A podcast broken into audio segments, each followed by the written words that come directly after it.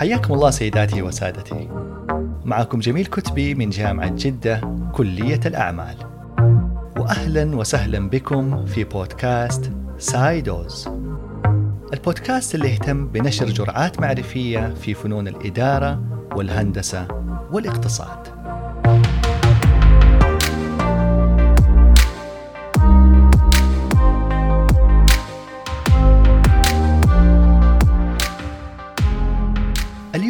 حلقتنا هو عن استراتيجيات التسعير. فمن أهم المكونات اللي يبحث عنها العميل في المنتج أو في الخدمة هو السعر.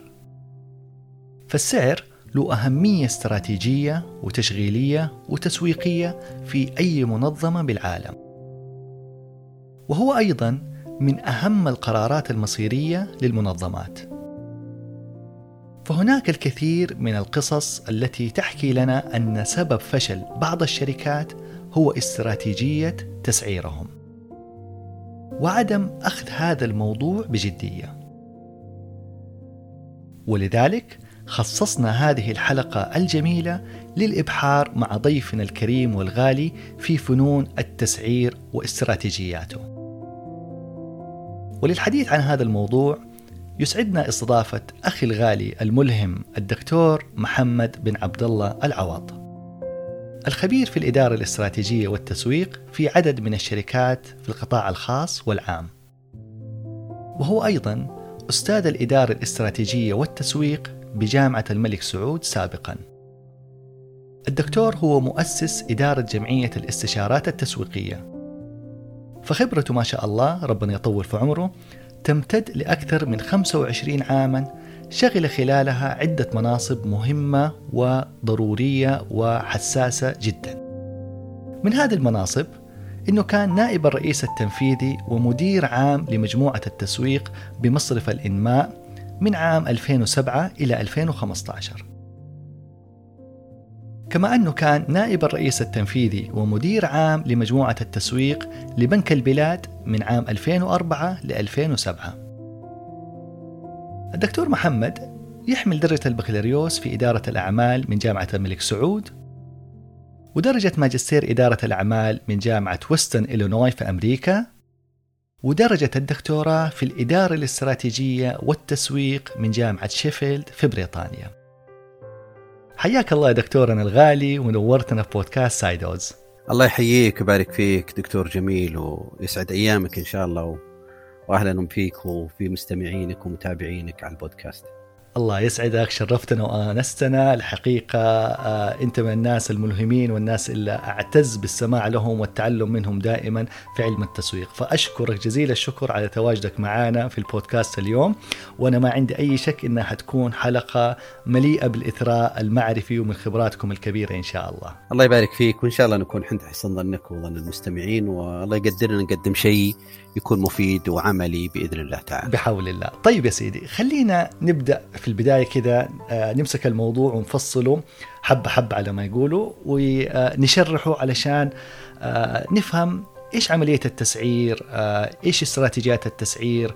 كيف تختلف طرق التسعير ما بين المنتجات والخدمات؟ يعني عندنا محاور عدة الحقيقة حنتكلم عليها، لكن خلينا نبدأ بالسؤال اللي هو إيش نعني يا دكتور بعملية التسعير؟ جميل حياك الله مرة ثانية وحيا الله المستمعين، طبعا آه التسعير حقيقة يعني هو من أصعب عناصر المزيج التسويقي وهو اللغز حقيقة الصعب على الإدارة العليا في أي شركة أو في أي مؤسسة أو في أي جهة.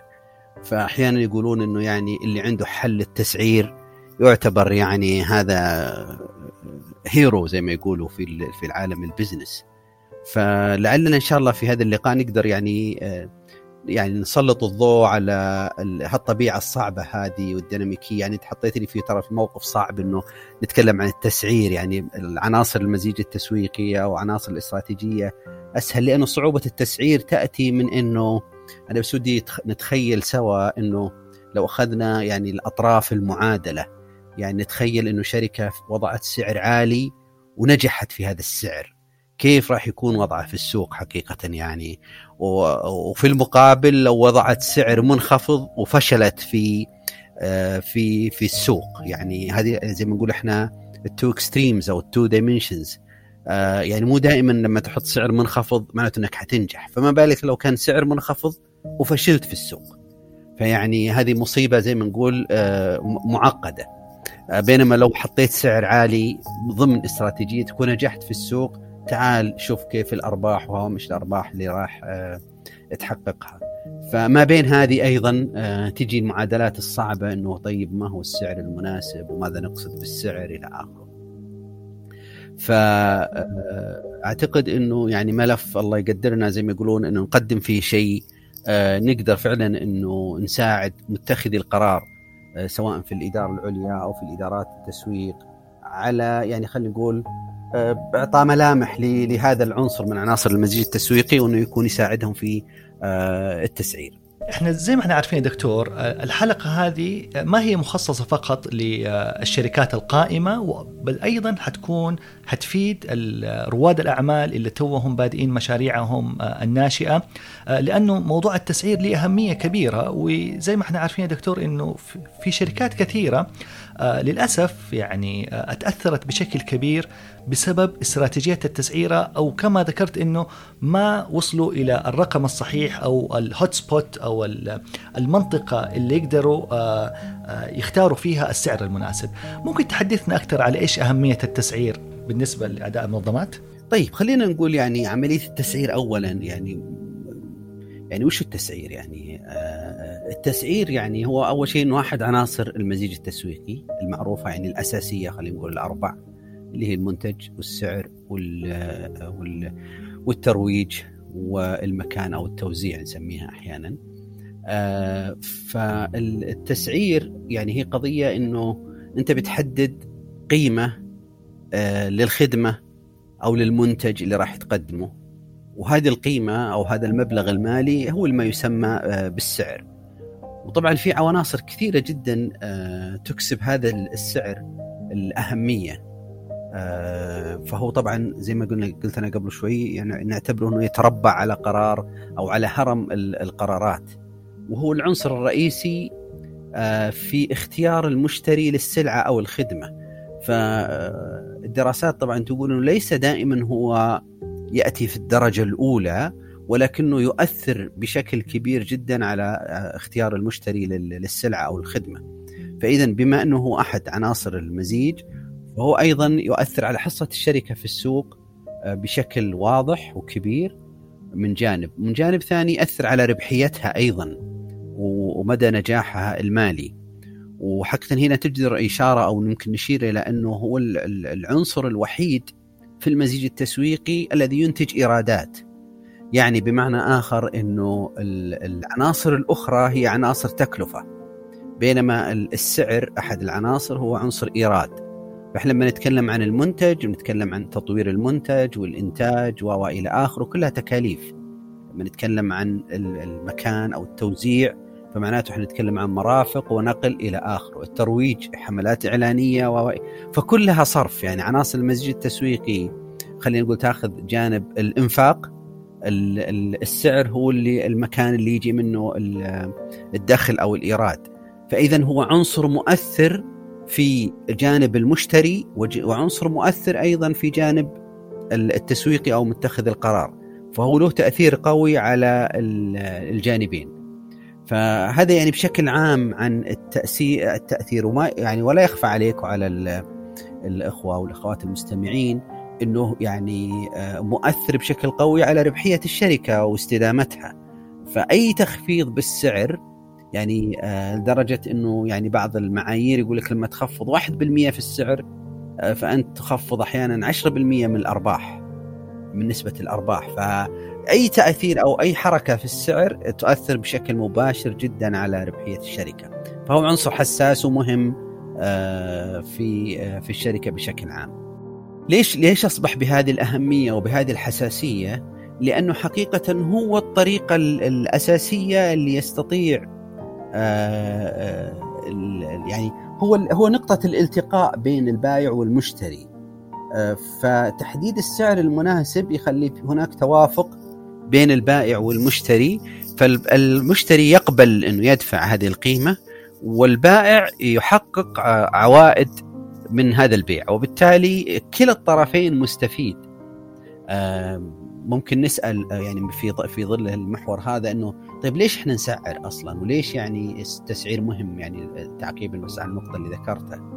آه، أي منشأة علشان تبقى زي ما نقول إحنا على قيد الحياة ف ولا تطلع من السوق لابد تحقق أرباح وعشان تحقق أرباح فلا بد إنه يكون فيها عندها سعر عادل عادل من من الطرفين بمعنى إنه يمكنها من أنها تبقى في السوق وبنفس الوقت هو عادل من وجهة نظر المستهلك بأنه فعلا القيمة اللي أدفعها عادلة. فمن هنا جاء إنه يعني مساهمة السعر في في تحقيق الربح. آه، أهميته أيضا من زاوية ثانية أنا ذكرتها قبل شوي على عجالة اللي هي قضية الحصة السوقية. معروف إنه يعني أي منشأة حتى وإن كانت مبتدئة أو startup آه، تبدأ بحصة سوقية صغيرة وكل ما زادت الحصة السوقية كل ما تمكنت الشركة من خفض التكاليف اللي هي الوجه الآخر للتسعير آه، وبالتالي قد تكون الشركة يهمها بشكل كبير إنها تزيد حصتها السوقية علشان تقدر تقدم أسعار معقولة للناس وبالتالي هذه بنجي لها يمكن مع النقاش في قضية إنه يعني في استراتيجيات التسعير أو في أنواع التسعير إنه أحيانا يكون أحد الأهداف هو زيادة الحصة السوقية وليس بالضرورة آه، تحقيق أرباح. فلعل هذه يعني لمحة عامة عن التسعير وما هو التسعير وأهميته. جميل جميل. يعني واضح من كلامك دكتور إنه يعتبر من أهم مصادر التنافسية أيضا بالنسبة للشركات. يعني إحنا عارفين إنه العملاء تختلف رغباتهم وحسب الشريحة السوقية آه، اللي ينتموا ليها. ولكن آه، بنسبة كبيرة جدا السعر آه، الخاص بالمنتج أو بالخدمة بيعكس أشياء كثيرة وصور يعني مختلفة عن هذا المنتج أو هذه الخدمة. ففي بعض الأسعار في يعني شركات بيحرصوا أنه منتجاتهم تكون بسعر عالي كي يعكسوا آه، الجودة حسب التكاليف اللي عندهم وكما نعلم أن الجودة لها تكاليفها. وهناك من يود أنه آه، يكون تنافسيته ليس على الجودة ولكن على السعر وبكذا حيضطر أنه يضحي بالجودة. هذه يعني اللي هي معروفة بمثلث الجودة أو الآين تراينجل خليني أسأل اسالك عن آه، العوامل اللي بتأثر على آه، عملية التسعير دكتور. إحنا عايشين في آه، يعني بيئة فيها عدة عوامل ومكونات.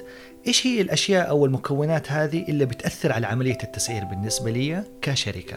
بس بعقب على قضية الجودة وعلاقتها بالسعر.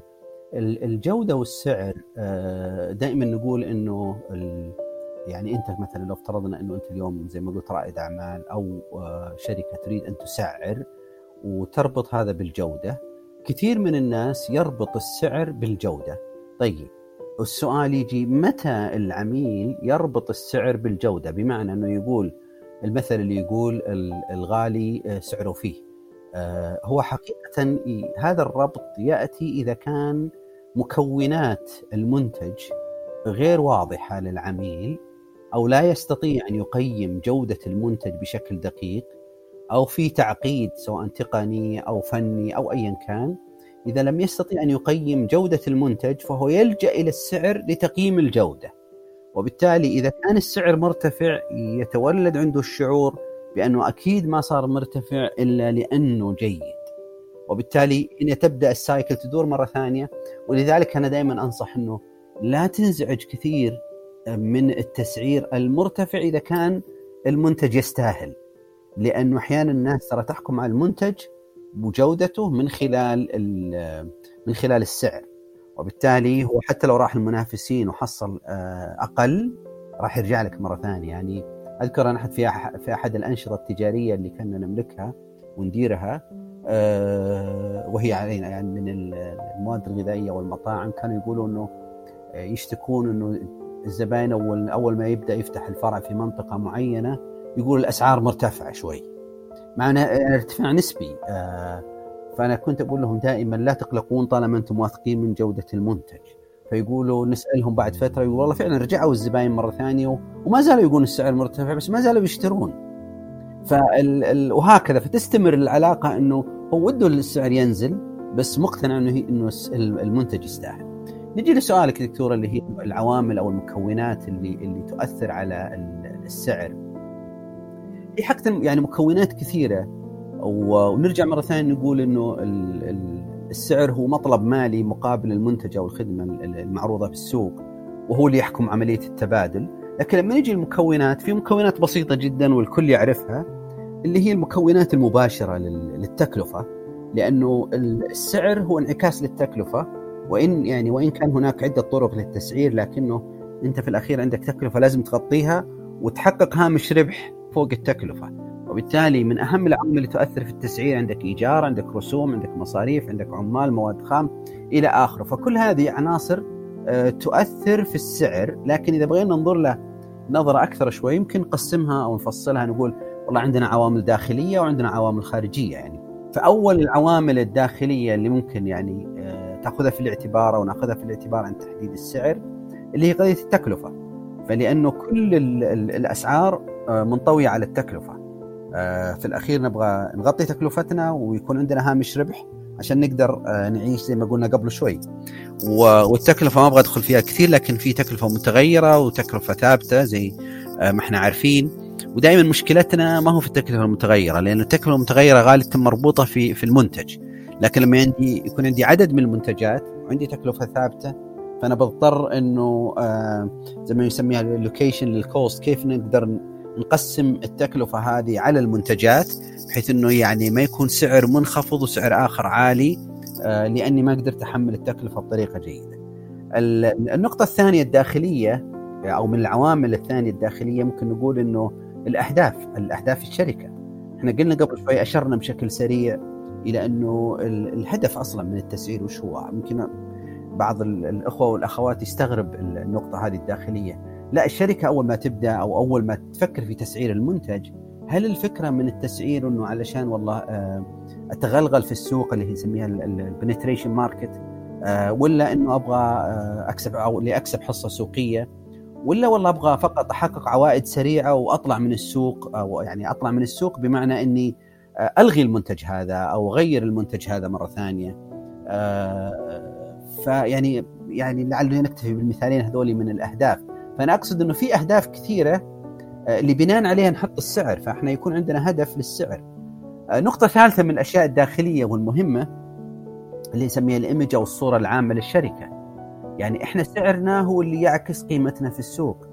فدائما الناس تنظر إلى أنه آه، زي ما قلنا قبل شوي في الجودة آه، هي نفس الشيء في الصورة الذهنية. فكثير من الناس يقيم الصورة الذهنية للشركة أو للمنتج أو للخدمة اللي نقدمها إنه سعر عالي. آه، لذلك بعض الأماكن تلقى ما يزورها إلا ناس من طبقة معينة لأن السعر أصلا عالي مو لانها ما هي كويسة. كل الناس يبغون يروحون لها لكن لأن سعرها عالي ما يروحون لها فبالتالي هذا أيضا من الأشياء الداخلية اللي تساعدك في تحديد السعر اللي هو أنت شو الصورة الذهنية اللي تبغى ترسمها للناس. آه نقطة ثانية أيضا داخلية اللي هي آه ولعلنا نتطرق لها بالتفصيل لاحقا اللي هي دورة حياة المنتج. إذا تخليها دكتور لاحقا أيضا في أي مرحلة من دورة حياة المنتج أنا اسعر. آه أخيرا اللي هي آه، يعني من العوامل الداخلية عشان ما نطيل في النقطة هذه اللي هي النشاط الترويجي أيضا. يعني أنا ممكن أحط سعر مرتفع لكني أسوي عليه حملات قوية وبالتالي كأني أقول إني أقنع الناس بهذا السعر. أو أقول لا من الأول خليني آه، أحط سعر منخفض آه، أو أقل من المتوسط وبالتالي ما أصرف عليه حملات إعلانية وبالتالي يكون هو العامل الجذب الرئيسي. فلعل يعني هذه العناصر نسميها إحنا عناصر داخلية. آه، إذا نظرنا له من العوامل أو المكونات اللي سميها الدكتور اللي تؤثر على السعر الخارجية أيضا فيها أشياء ما هي بيدينا يعني من أهم العناصر الخارجية اللي هي المنافسة فأنا ما ألعب في السوق لوحدي ففي منافسين في السوق آه، يعتمد على قوة المنافسين وشراستهم آه، في السوق. فإذا كانت المنافسة عالية آه، والمنافسين شرسين بمعنى إنهم راح يهجمون علي بقوة فراح أخذ هذا في الاعتبار في التسعير. فايضا مرة أخرى إما إني أقوم بدور المدافع أو المهاجم. فإذا أنا والله عندي استعداد للمهاجمة معهم أوكي راح أحط سعر اللي أشوفه أعلى شوي. بتجنبهم. لا أقول خليني آه، آخذ سعر منخفض ولا أستفز المنافسين. طبعا أنا ما أتكلم هنا عن حرب الأسعار هذا موضوع ثاني. أنا أتكلم عن تسعير المنتج في البداية. آه، من العوامل الخارجية المهمة بعد المنافسين اللي هو المستهلك نفسه. يعني إحنا قلنا قبل شيء من الأشياء الداخلية من وش هي الصورة الذهنية اللي تبغاها في المقابل نقول من هم المستهلكين اللي تبغاهم يشترون منتجك؟ فلا بد من مراعاة حال ووضع المستهلكين اللي أنت تبغى تستقطبهم أو يعني نسميها اللي هي positioning yourself يعني معاهم. أنت يعني تبغى تكون معروف لهذه الطبقة فمعروف أنه في المجتمع فيه يعني طبقات اجتماعية وطبقات يعني مالية واقتصادية. فنشوف أيضا من اللي إحنا مستهدفين آه، من المستهلكين ونسعر بناء عليهم لأنه آه، يعني نراعي حساسية السعر بالنسبة للمشتري وقوته الشرائية. فالعنصرين هذول دائما هم اللي نقيس فيهم المستهلكين اللي إحنا مستهدفينهم اللي هي حساسية السعر بالنسبة لهم وقوتهم الشرائية. آه نقطة أخرى أيضا في الخارجيه اللي هي قضية الأنظمة، أحيانا بعض الأنظمة تحكمك. آه بعض القوانين تحكم الأسعار يعني أنت مو على كيفك تحط أي سعر. آه ففي عندنا مثلا مثلا على سبيل المثال البنزين مثلا الغاز إلى آخره اللي يشتغلوا في المجالات هذه مجالات كثيرة تكون الأسعار أصلا محددة أو مقننة. فبالتالي أنت أحيانا ما تقدر تشطح عنها فلا بد تكون ضمن هذا الإطار. النقطة أخيرة أو يمكن ما قبل الأخيرة في النقطة هذه بس عشان ما نطيل فيها أيضا اللي هي قضية الظروف الاقتصادية. فأنت لما نكون في وضع اقتصادي يمكن شبيه بالأيام هذه أو في يعني في كساد أو في رواج آه، أيضا لازم تراعي هذه الظروف. يعني لأنه هذا يؤثر على قدرة المشتري وبالتالي إذا كانت قدرته أيضا منخفضة فأنت أيضا ما تجي وتقول والله يعني مو وقت إنك تحط أسعار مرتفعة. إذا كان في ازدهار ونمو فيعني أنت أيضا لازم تأخذ نصيبك من السوق. آه في أيضا عملية يعني آه، يعني نقطة أخيرة دائما يعني ننتبه لها أو ما ننتبه لها وهذه تختلف من منتج إلى آخر. إذا كان في وسطاء يعني إذا كنت أنت مثلا لست البائع المباشر أو إنه أنت أيضا تبيع كتجزئة أو تبيع جملة والجملة يبيعون على جملة ثانية وهكذا. فكل ما كان في وسطة أكثر طبعا في الغالب إنه كل ما كان السعر مختلف عن لو كان آه، ما في وسطة خلينا نقول. فبالتالي أيضا لازم أنت تتوقع إنه الوسطاء هذول بيحققون هوامش ربح وبالتالي عندهم تكاليف ولازم تترك لهم مجال أيضا إنهم آه، يسعرون المنتج بطريقة خلينا نقول آه، يكسبوا من وراها. فلعل يعني هذه يعني ملخص لأهم العوامل خلينا نقول داخلية وخارجية. اللي تساعدنا في تحديد السعر وهي عوامل مؤثرة في تحديد. يعني تفصيل وتقسيم جدا رائع للعوامل الداخلية والخارجية آه وأنا فهمت منك دكتور إنه بطريقة أو بأخرى السعر متغير ولا بد إنه يكون في مرونة في السعر لأنه آه لو جينا آه نظرنا إلى الأوضاع الاقتصادية مثلا اللي بتمر فيها الدول سواء كانت خلال آه، كساد أو خلال نمو.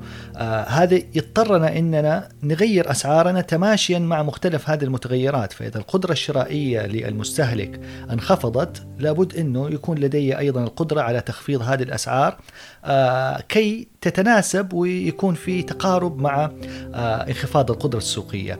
هذا التغيير في الأسعار دكتور ما راح يأثر على الصورة آه، الذهنية آه، لهذه العلامة التجارية في آه، ذهن العميل في رأيك؟ والله شوف أنا اللي كنت أتكلم عنه قبل شوي اللي هو خلينا نقول التسعير الابتدائي أو إنه أنت الآن بتطرح منتج جديد في السوق فتبغى تحط له سعر. وانس إنه يعني متى ما وضعت السعر اللي ترى إنه مناسب ثم بعد ذلك جاءت ظروف لأنه الظروف هنا الخارجية وأحيانا ترى تكون الظروف داخلية لعملية التخفيضات أو تنزيل السعر أو تغيير السعر. أنا شخصيا دائما ضد آه، تخفيض السعر لكن مع وضع التخفيضات أو الترويج أحيانا. فمثلا أنت عندك مثلا آه، stock أو مخزون مرتفع في فترة من الفترات وتبغى تتخلص منه آه، لأي سبب من الأسباب. أحيانا أحيانا يعني وهذه شاهدناها ومرت علينا ما عندك مكان للبضاعة.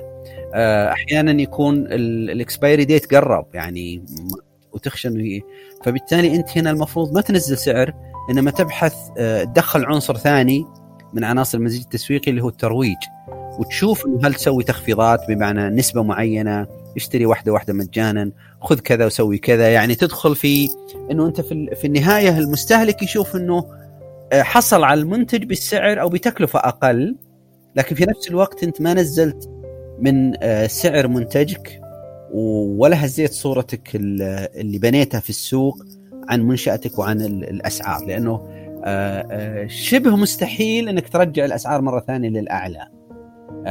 ما في شيء مستحيل بس أنا أقول شبه مستحيل.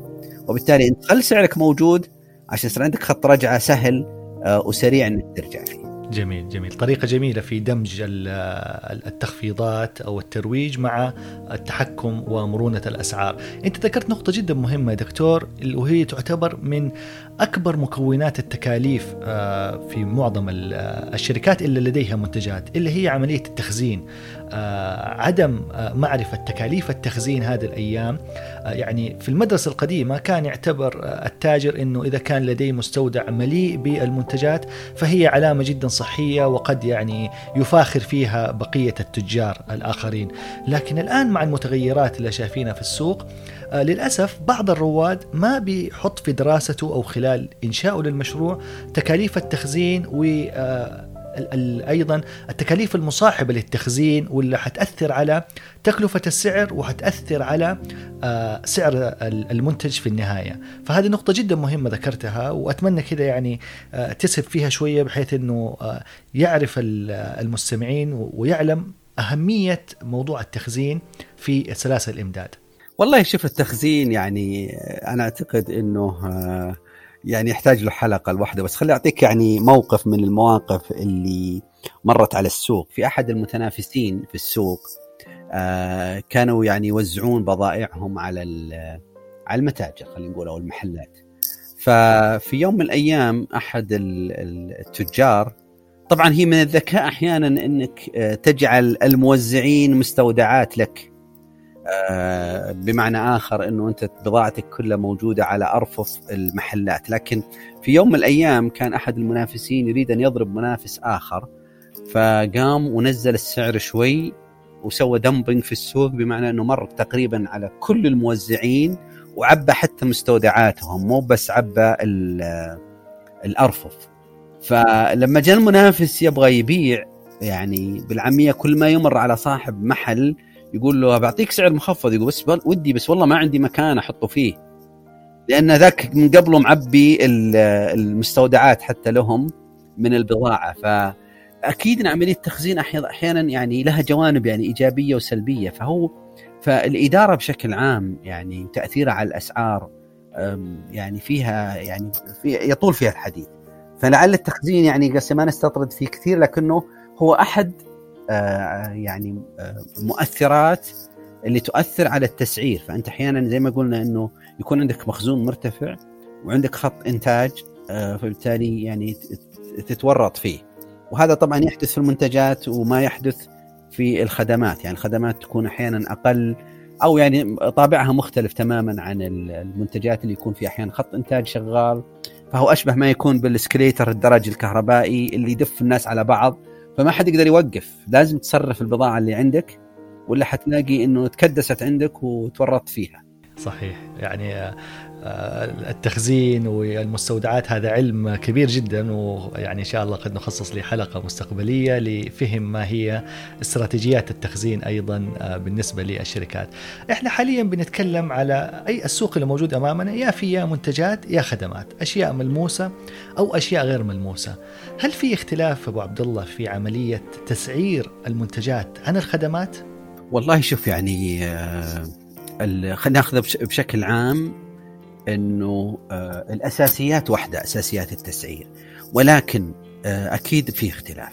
الاختلاف من وين جاي؟ من آه، نرجع مرة ثانية من مكونات المنتج أو الخدمة. يعني أنت لما تكون عندك منتج غالبا مكونات التكلفة في المنتجات أسهل أو تحديد تكلفتها أسهل من الخدمات. هذه من زاوية. وبالتالي يعني قد يكون هذا يعني مربط الفرس في قضية الفرق بين تسعير المنتجات وتسعير الخدمات. إنه المنتجات آه، تكاليفها أكثر وضوح من الخدمات. فأحيانا يكون عندنا صعوبة في تقدير تكلفة الخدمة. آه، هذا من ناحية. ناحية ثانية إنه إحنا نقول دائما في الخدمات إنه أنت تنتج الخدمة في وقت طلب العميل. فأنت ما تقدر آه، نرجع مرة ثانية للتخزين. ما تقدر تنتج خدمة وبعدين تخزنها ولما يجي يجي العميل تعطيه من الرف. ف وهنا تكمن أيضا صعوبة أخرى في التسعير.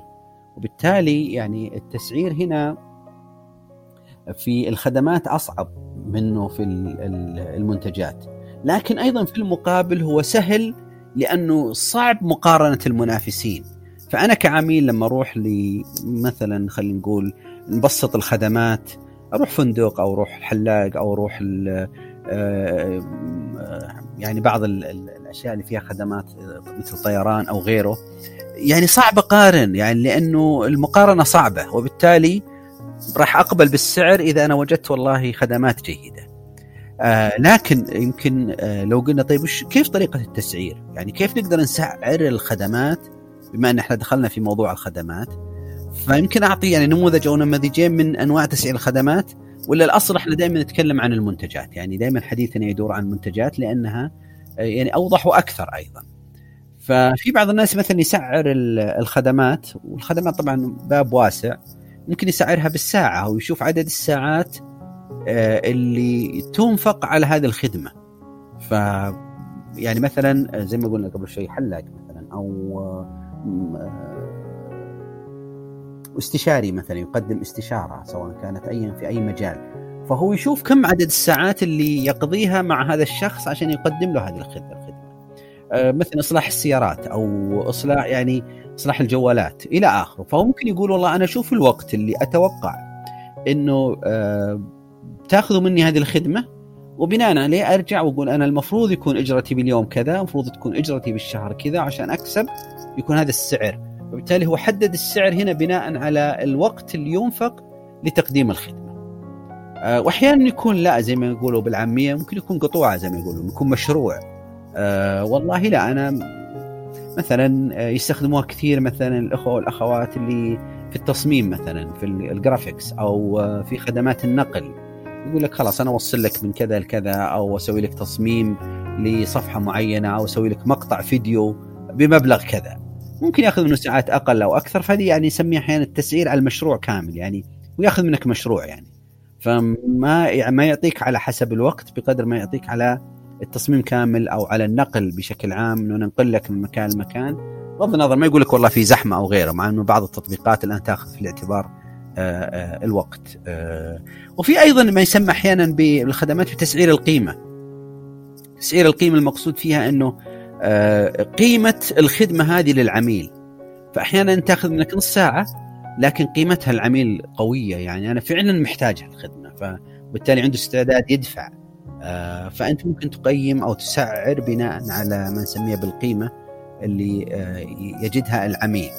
لكن بالعموم نرجع مرة ثانية إنه تسعير الخدمات ببرنسبلز أو بالأساسيات متقارب جدا. لكنه أصعب بشكل عام من المنتجات جميل. آه يعني توضيح جدا رائع لموضوع الخدمات آه وبيوضح آه لنا أيضا ويبين لنا إنه هي آه، هي أصعب في عملية التسعير لأنه أنت ما بتتعامل مع شيء ملموس زي المنتجات، المنتجات فيها عندك مواد أولية، عندك موردين، عندك أمور آه، تكاليف ثابتة ومتغيرة. في الخدمات هنا يجي موضوع قد تستطيع إنك تستخدم آه، الوقت كمحرك أساسي ومحدد أساسي في عملية التسعير ويمكن هذا يوضح دكتور سبب التباين ما بين آه، تسعير الخدمات ما بين مزودين الخدمات. حتى لو كانوا في قطاع واحد قد نجد في تباين ما بينهم في تسعيرهم. آه، خل خليني أسألك دكتور في آه، عندنا منتجات موجودة في السوق. يعني أنا كرائد أعمال إما إنه بأجي بأطرح منتج جديد في السوق ما في له شبيه هذا الأول من نوعه في السوق أو إني بأطور منتج موجود في السوق ولكن بأضيف عليه مواصفات جديدة ويعني أضيف عليه بعض الأشياء لكن ك أساسا هو موجود هذا المنتج في السوق. فهل عملية التسعير تختلف ما بين منتج لا يوجد له مثيل في السوق وما بين منتج له مثيل في السوق ولكن أنا داخل ببعض التغييرات وبعض المواصفات الجديدة؟ جميل جميل. سؤال جدا مهم وممتاز يعني. طيب خلينا ناخذها واحدة واحدة. يعني نقول إنه عندنا سعر آه، تسعير لمنتج جديد ليس له مثيل في السوق أو فيه مميزات وخصائص ومنتج موجود في السوق. النوع الأول آه، من المنتج الجديد أو ممكن ننظر له من عدة زوايا. إنه آه، ممكن ممكن وإن كان هذا قليل جدا إنه يكون أنت نازل بمنتج محمي. محمي إما ببراءة اختراع أو محمي بأي نوع من الحماية. فهذه الحماية طبعا تعطيك يعني خلينا نقول نوع من القوة وان كانت مؤقتة لأنه حتى الحماية وحتى لو كان في براءة اختراع ممكن يقلد بإضافة خصائص أو تغيير بعض الخصائص ولكنه إذا كان عندك هذا النوع من المنتجات فأنت يعني تمشي على خط مختلف عن إنك تنزل بمنتج مختلف عن السوق. إذا نزلت بمنتج جديد ومختلف شوي عن السوق بس ما في حماية. هنا آه يعني بيكون عندك غالبا يعني نوعين أو أو خلينا نقول مسارين أو ثلاثة. آه إذا كنت والله بتنزل بهذا المنتج بمزايا جيدة وبسعر مرتفع فلا بد تتوقع أن المنافسين لن يعني لن يسكتوا. راح ينزلون يعني وبأسرع وقت ممكن. لما نقول أسرع وقت ممكن طبعا يعتمد على آه، طبيعة الصناعة اللي أنت فيها. فبعض الصناعات ممكن من بكرة ينزل نفس المنتج وممكن أنت تعرف منتجك ولا ممكن تقول والله لا يعني أي واحد يبغى يطلع منتج شبيه منتجي على الأقل بيأخذ مثلا آه، ثلاثة إلى أربع شهور عشان يوصل. وبالتالي أنت عندك هنا البفر تايم هذا اللي هو الوقت اللي أنت ممكن يعني آه يعني زي ما يقولوا تاخذ حصتك من السوق أو تتغلغل في السوق أو تكشط السوق أو ايا كان الطريقة اللي أنت بتسعر فيها. فهنا المنتج الجديد يعني له عدة يعني خلينا نقول أنواع أو طرق في في تسعيره يعتمد على نوعية الحماية اللي أنت شايفها ونوعية الميزة اللي أنت داخل فيها. ولكن قبل ما ننتقل للنوع الثاني من المنتج اللي هو موجود في السوق هذا المنتج لا تنزل في منتج ولا تتوقع إنه المنافسين لن يقلدوه سواء كان محمي أو غير محمي. في ميزة أنت اللي مبدع فيها أو ما في ميزة. سواء كنت تتوقع أن عندك خلطة سرية أو حاجة سرية اطلاقا يعني هذا الشيء آه، يعني استبعدوه يعني آه، ولو جزئيا. أنا أقصد إنه لا تاخذ وتنام تقول والله خلاص أنا نزلت بمنتج والناس قالوا واو معناته أنا أكبر المخدة وأنام. لذلك إحنا دائما نقول إنه يعني إذا أنت فعلا جيد في تطوير منتج وإضافة ميزة استمر على هذه الجودة. وكل ما بين فترة وفترة يعني خلينا نقول ثلاثة إلى ستة شهور أقل أكثر على حسب نوع المنتج اللي تقدمه طور المنتج هذا مرة ثانية. يعني فأنت كأنك تكون في سباق مع المنافسين. قبل ما يوصلون للفكر أو الخلطة اللي أنت سويتها ايا كانت تلاقي إنه أنت طرحت شيء جديد وهكذا. وبالتالي أنت قاعد يعني تتسابق مع المنافسين ودائما أنت في مقدمتهم.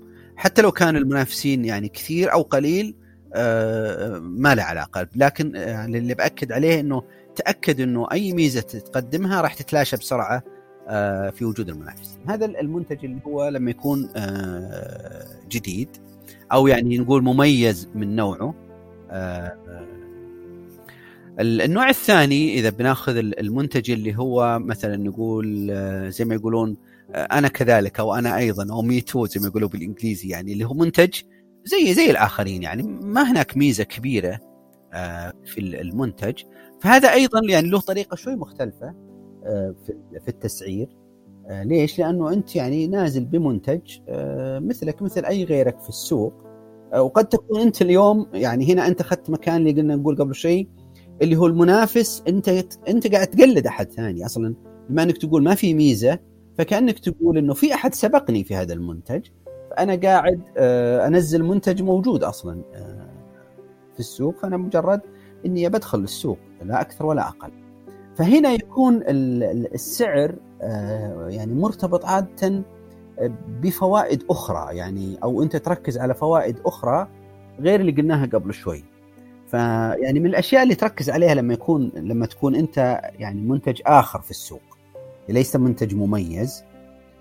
هنا يعتمد على الهدف هل أنت تبغى حصة سوقية أو غيرها لكن آه لابد تشوف موقعك من المنافسين وهل أنت بعيد وش المساحة اللي بينك وبين المنافسين الموجودين في السوق لأنهم بما أنهم آه، داخلين السوق قبلك فبالتالي آه، لابد أنهم يكونون أقوى منك أو أكثر اتساع منك. يعني بمعنى آخر أنت لازم تشوف الميزة آه، نسميها الميزة التنافسية اللي أنت داخل فيها للسوق.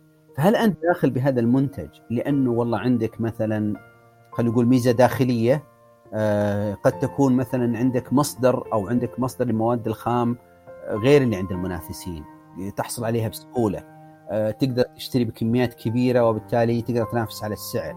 أو مثلا إنه والله تركز على شيء خارجي اللي نسميه أحيانا نيتش ماركت نقول أو يعني تركز على والله أنا أعتقد إنه مثلا الرياض أو في جدة أو غيره عندي الحي الفلاني المنطقة الفلانية ما هي مخدومة.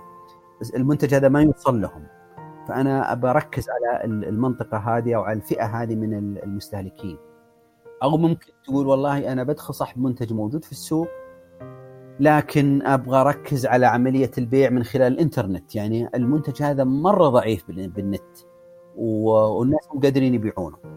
آه، فأنا أبغى أدخل مثلا آه، الميزة. فكاننا نقول هنا أنت ضفت ميزة تنافسية صح انها ما لها علاقة بالمنتج يعني المنتج زي اللي موجود في السوق بس أنت أضفت هنا ميزة تنافسية إما داخلية أو خارجية ليس لها علاقة مباشرة بالمنتج. فأنت ركزت اما على فئة أو على طريقة بيع أو إنك وفرت مصدر للمواد الخام أو للتخزين أو للنقل غير اللي عند المنافسين وبالتالي قدرت تحقق هامش ربح آه، مختلف عنهم وإن كنت تبيع في نفس السعر.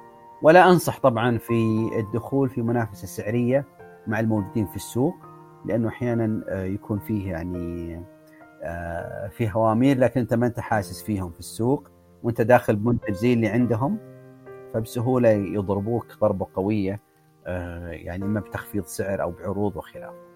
جميل جميل تقسيم جدا رائع لكن آه، اللي فهمته أيضا من كلامك إنه إذا أنا دخلت بمنتج جديد وغير موجود في السوق هنا بيكون آه، يعني العملية أصعب لأنه أنا في عملية في مرحلة تجربة. لسه أنا ماني متأكد هل هذا هو السبوت الصحيحة أو النقطة الصحيحة اللي آه، خاصة بالسعر اللي راح أقدر يعني أستحوذ فيها على آه، رغ على إعجاب العملاء بهذا المنتج الجديد.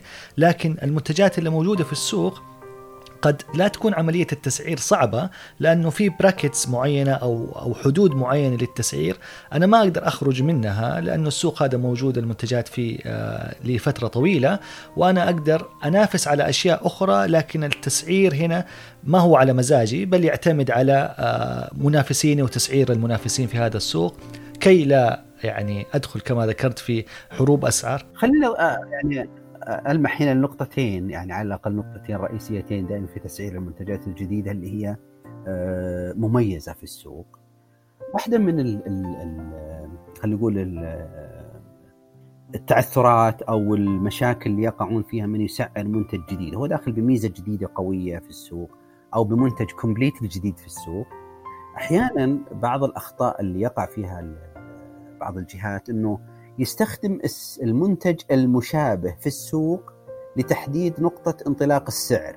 يعني كأنه يقارن السعر هذا أو سعر المنتج اللي بيقدمه بسعر منتج موجود في السوق. فيقول خلينا نضيف 15 20% عن السعر المنتج الفلاني. وهنا هو وقع في في في في يعني في فخ هو حطه لنفسه. طيب أنت نازل بمنتج جديد تماما ليش تقارن نفسك بمنتج موجود في السوق. يعني مثال أبل لما نزل في الجوالات أول ما نزل يعني لا المنافسين ولا المستهلكين ولا كل الناس قالوا مجنون هذا وش الأسعار اللي قاعد يطرحها في السوق؟ يعني هو ما زاد 15 ولا 20% ولا دبل السعر. فأنت لما تنزل بمنتج جديد نقول بالعامية قوي قلبك شوي أحيانا وخلي السعر مرتفع وبعد ما يدخلون المنافسين لكل حادث حديث. فهذه واحدة من النقاط الرئيسية في المنتج الجديد تماما. التراك الثاني أو المشكلة الثانية اللي يقع فيها بعض الناس اللي يسعر منتج جديد اللي هي قضية التدرج في السعر فيقول لك بما أن المنتج جديد وغير معروف ويقعد يعني يقول لك كلام مقنع حقيقة في ظاهره إنما الأصل لا إنه التدرج في السعر خطير جدا في المنتجات الجديدة فلا إنك تدرس منتج جيد وإذا كان المنتج أنت واثق إنه جيد وفعلا فيه ميزة جديدة آه، التدرج في السعر غير مناسب اطلاقا. بل بالعكس أنت ممكن تبدأ بسعر مرتفع بعدين تنزل. خلاف ما قد يتوقعه كثير من الناس إنه خليني أبدأ بسعر آه، منخفض بعدين أرفع شوي شوي إذا فعلا الناس اقتنعت بالمنتج. لا هذا ما ينطبق اطلاقا على المنتجات اللي فيها ميزة قوية أو تعتبر منتجات جديدة للسوق. يعني آه، خلينا نقول واو فيها يعني فيها اختراع فيها إبداع فيها حل مشكلة آه، فيها تقديم ميزة للناس فأنا أتمنى النقطتين هذول واضحة في آه، بس كاستدراك على قضية تسعير أو طرق تسعير المنتج الجديد. لا واضحة جدا. وأيضا يعني عملية التدرج في السعر آه، حنربطها لاحقا في دورة حياة المنتج دكتور. وحنعرف كيف عملية التدرج في السعر لها علاقة في أي مرحلة من المراحل أنت طرحت فيها المنتج أو في أي مرحلة من حياة هذا المنتج. لكن خليني أسألك دكتور بالنسبة لي استراتيجية آه، بالنسبة لي آه، بناء استراتيجية التسعير نفسها خلال ما أنا يعني بدأت هذه المرحلة أو بأبنى أعرف مكونات آه، السعر اللي لدي أكيد في معلومات أساسية لازم أجمعها علشان أبني قرار. يعني ما نبغى دائما ننصح وإنه ما يكون القرار التسعير قرار مبني على الجت فيلينج أو على الشعور الداخلي أو كذا مثلا حلمت في سعر معين. لا دائما نقول إنه يكون في educated uh, assumptions ويكون في افتراضات مبنية على معلومات عشان نقلص أي مخاطر أو أي risk قد uh, نقع فيه في عملية التسعير.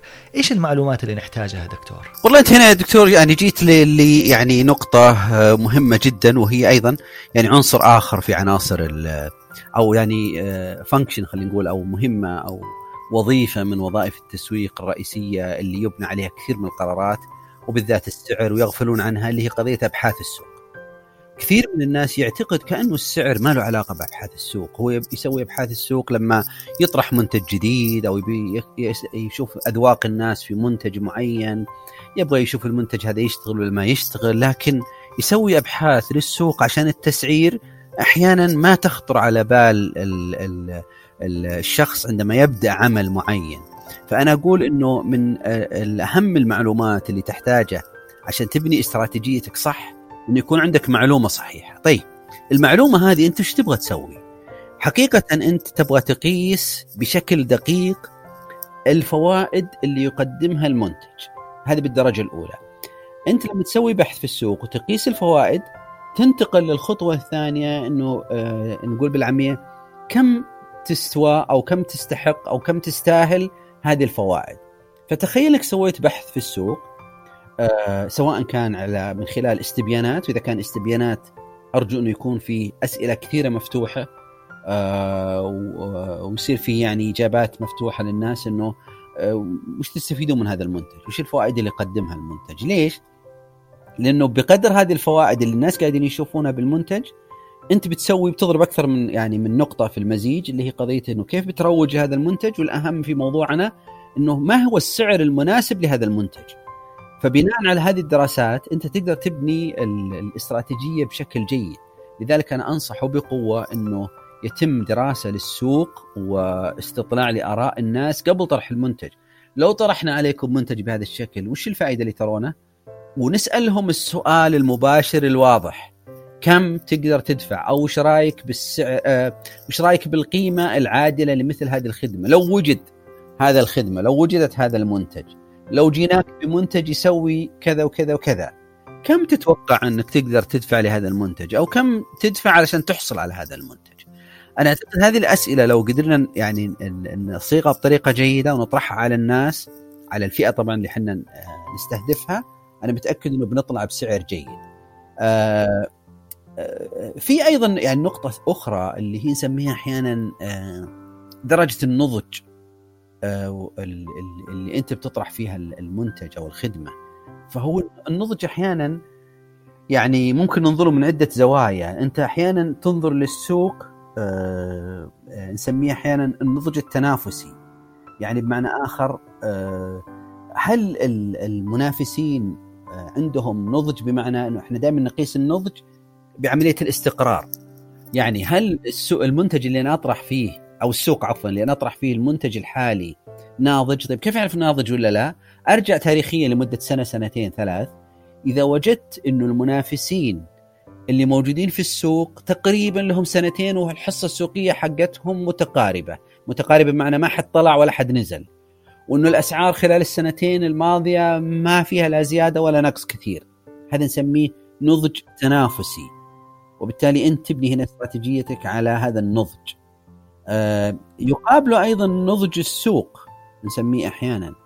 آه فكيف تشوف نضج آه، السوق؟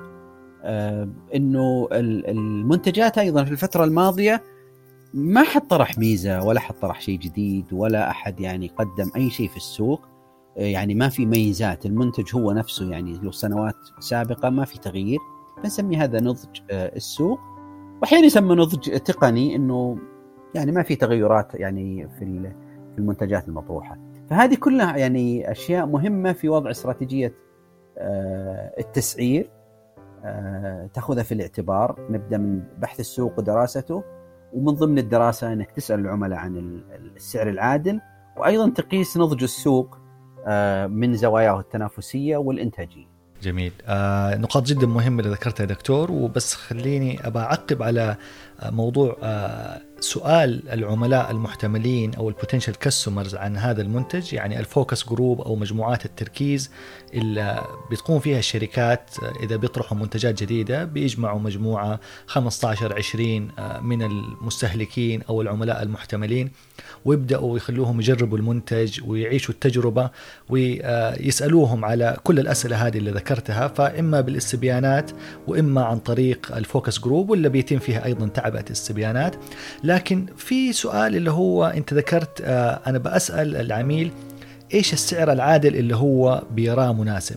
آه، ألا تجد أنه أحيانا العميل بيكون يعني متفائل أو كريم شوية زيادة عن اللزوم في هذه المرحلة. يعني يمكن سعر المنتج نقول 100 آه، ريال. وكرما منه في هذه اللحظة بتسأله هذا السؤال يقول والله أنا مستعد أدفع عليه 150 ريال. هذا الجواب لما أجي واحلله احصائيا واطلع باستنتاجات.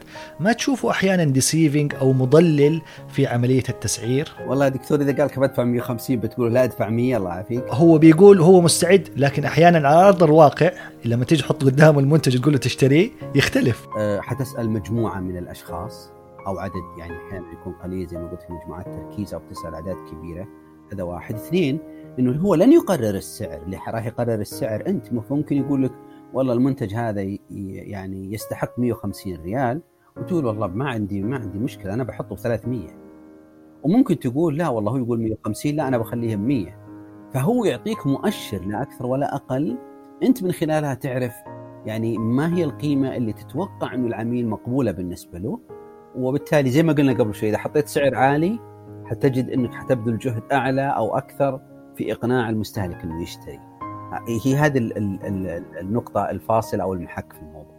اذا بيساعدني في تحديد يعني الحدود يعني تقريبا قد إيش هو مستعد لكن ما بيعطيني رقم محدد بعتمد عليه في نهاية المشوار في عملية التسعير رائع رائع طيب إحنا تكلمنا كثير يا دكتور وسمعنا كلمة استراتيجيات تسعير استراتيجيات تسعير وكررناها يعني أكثر من مرة خلال هذا اللقاء هل ممكن نتكلم على إيش مختلف استراتيجيات التسعير اللي نقدر نتبعها؟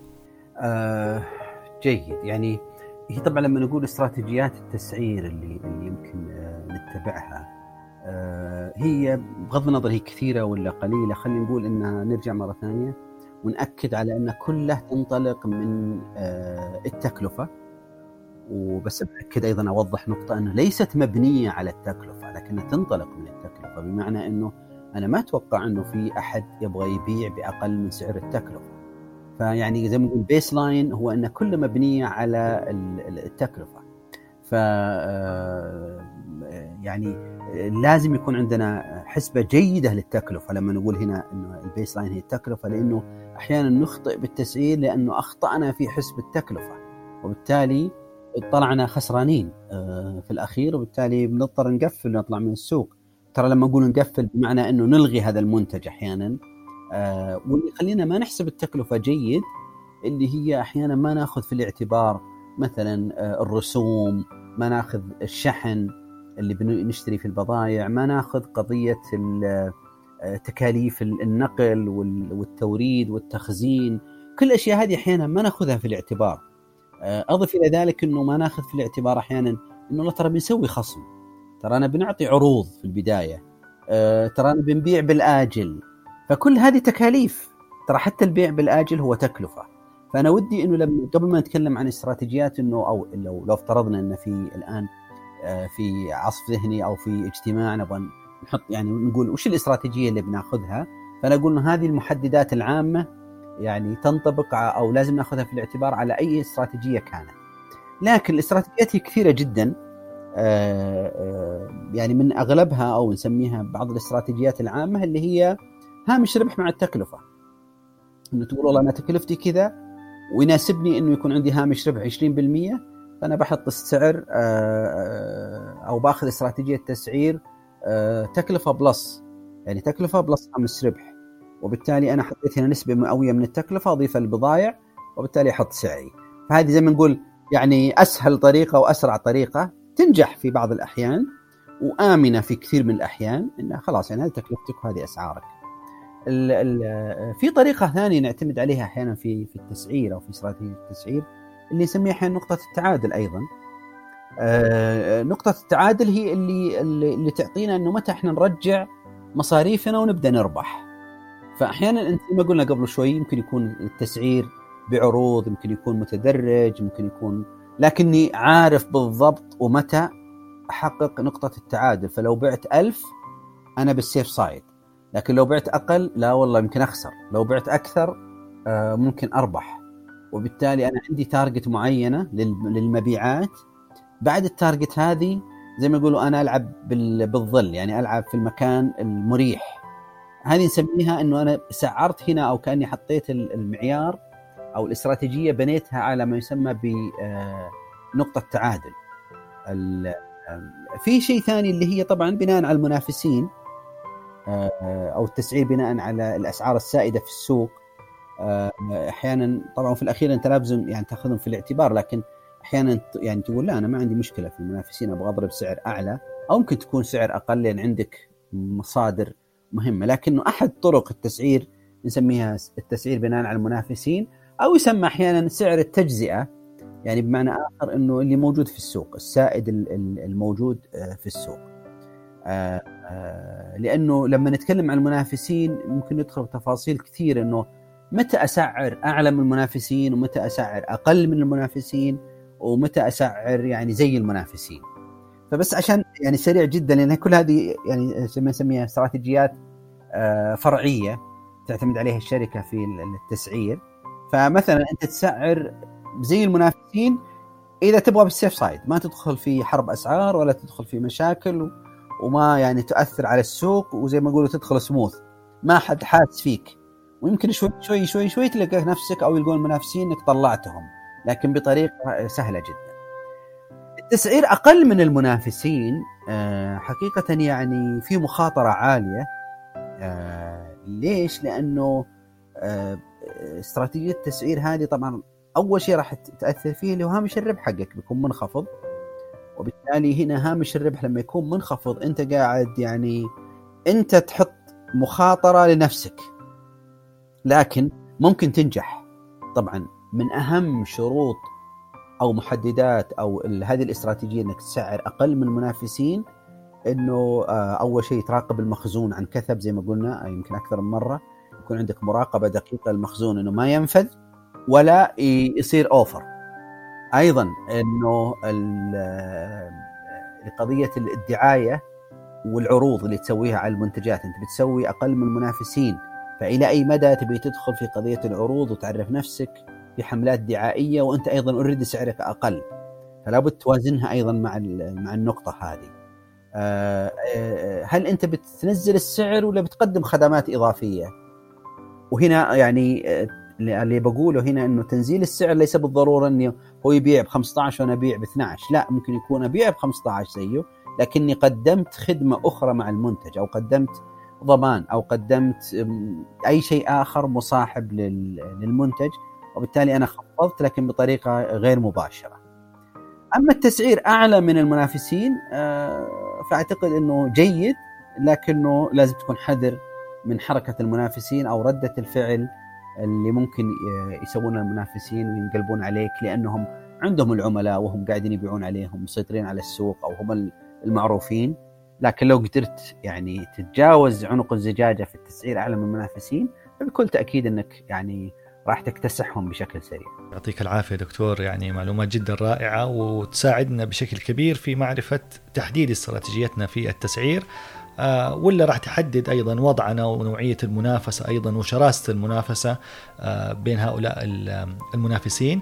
وأنت ذكرت نقطة بس أبغى يعني توضيح فيها أكثر الله يرضى عليك آه، اللي هي قلت في مواسم التخفيضات والعروض يعني بنحدد كم السعر المناسب.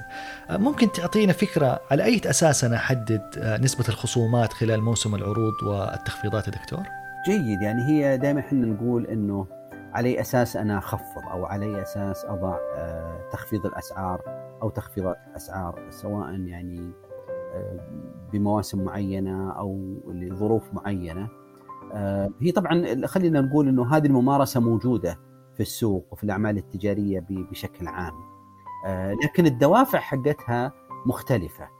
فزي ما قلنا قبل شوي قد يكون واحد وهي من أكثر الدوافع اللي تدفع للتخفيضات اللي هي قضية أنت قديش عندك من بضاعه يعني مو معقول ما عندك إلا حبة واحدة وبتسوي عليها تخفيض زي ما نقول. فدائما يعني لما يكون عندك بضاعه أنت خايف انه يحصل عليها مشكلة تسوي عليها تخفيض.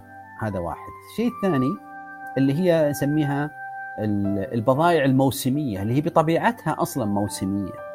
وبالتالي لو طلع الشتاء ما راح تبيعها خلاص. سواء عندك قليل أو كثير.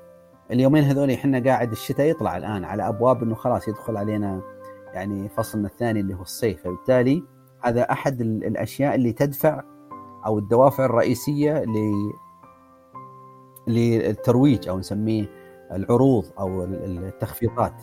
آه، فهناك يعني عندنا يعني عدة عوامل لعملية التخفيضات وفي أيضا نظريات كثيرة للتخفيض يعني آه، اللي ممكن آه، تتبع في عملية التخفيض الأسعار. فمثلا في شريحة من الناس أو في شريحة من خلينا من المجتمع اللي ترى ما يحب التخفيضات ويشوف إنه لو خفضت أنت في سعرك أو أنت بتجيب لنا يعني نفترض إنه مثلا مقهى أو مثلا مكان ترفيهي أو منتجع أو فندق أو يعني آه، مطعم زي ما قلنا. أحيانا التخفيضات هذه تسبب إزعاج لعملائك الرئيسيين. يعني يصير في زحمه ويصير في ناس آه، مختلفين ويصير والى إلى إلى اخره فبالتالي أنت ممكن تفقد عملائك الأساسيين من خلال اجتهاد خاطئ. أنت توقعت إنه الهدف إنه تجيب ناس. مو دائما إنك تجيب ناس كويس. فاحيانا تفقد ناس عندك تبغاهم طول السنة. فأنا قاعد فقط يعني آه، ألمح بشكل سريع إنه التخفيضات ليست دائما جيدة. آه، المحور الرئيسي فيها لازم تبحث أنت ليش تبي تسوي تخفيضات. فلا يكون فقط إنه والله لأنه الناس سووا تخفيضات أنا بسوي تخفيضات. لا ارجع لنفسك داخليا وشوف وش الأسباب. قد تكون زي ما قلنا بضاعه قد يكون موسم قد يكون آه يعني أنت عندك يعني نقص في العملاء تبغى تزيدهم شوي مو كثير وإلى آخره. آه فبالتالي هنا الأسباب هي اللي حقيقة تعطينا إنه نسوي تخفيض أو ما نسوي. لما نجي على يعني نسبة الخصم أو وش نقدر نسوي في منتجات كثيرة من الأفضل إنك آه، تسوي إلى 50% لكن بدل ما تسوي 50 سوي واحد وواحد. يعني قد يستغرب ناس كثير إنه والله بالذات إحنا نسميها أحيانا مثلا في الأكل أو في الأشياء اللي فيها ذوق. آه الذوق هذا أحيانا هو يعني نسميه تسويقيا أحيانا البرمجة الذهنية للشخص. فتلاقي شخص والله يقول لك يا أخي طعم المطعم الفلاني أو ذوقه أو ما عاجبني أو ما يعجبني. طيب أنت لما تجبره يأكل وجبتين بدل وجبة واحدة آه كأنه بعد فترة ممكن هو يتبرمج ويشوف إنه هذا والله فعلا أنا تعودت عليه فصار طعمه جيد. فيصير هو ال standard أو هو ال benchmark اللي يقارن فيه مثلا المطاعم الأخرى فيقول والله لا يعني المطعم X آه، ما هو جيد. وهو طبعا ما هو جيد مقارنة باللي هو تعود عليه. فاحيانا العروضات أنت تستخدمها عشان تبرمج خلينا نقول الذوق أو تبرمج الذائقة عند شخص معين آه، علشان يتعود. نفس الشيء تعود على المكان تبغى يجي لمحلك أكثر من مرة عشان أول ما يخطر على باله المنتج هذا هو برمجيا تلقائيا تلقاه اتجه للمكان اللي أنت فيه.